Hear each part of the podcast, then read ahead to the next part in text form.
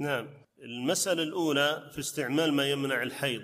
قال فهو جائز بشرطين ألا يخشى الضرر عليها. وهذا يعني معلوم بظاهر القرآن وظاهر السنة. والله سبحانه وتعالى يقول ولا تلقوا بأيديكم إلى التهلكة. وقال ولا تقتلوا أنفسكم إن, إن الله كان بكم رحيما. ويقول النبي صلى الله عليه وسلم لا ضرر ولا ضرار. فكل هذا مما يحرم الإضرار بالنفس. أو استعمال أو تعاطي ما يكون فيه ضرر على على النفس وهذا ظاهر الثاني أن يكون ذلك بإذن الزوج لأن في آه، استعمال ما يمنع الحيضة فيه تعد على حق الزوج في في ذلك.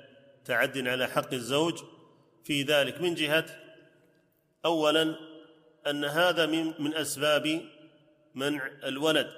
فكما أن الرجل إذا أراد أن يعزل عن امرأته إذا أراد أن يعزل عن امرأته فليس له أن يعزل دون إذنها.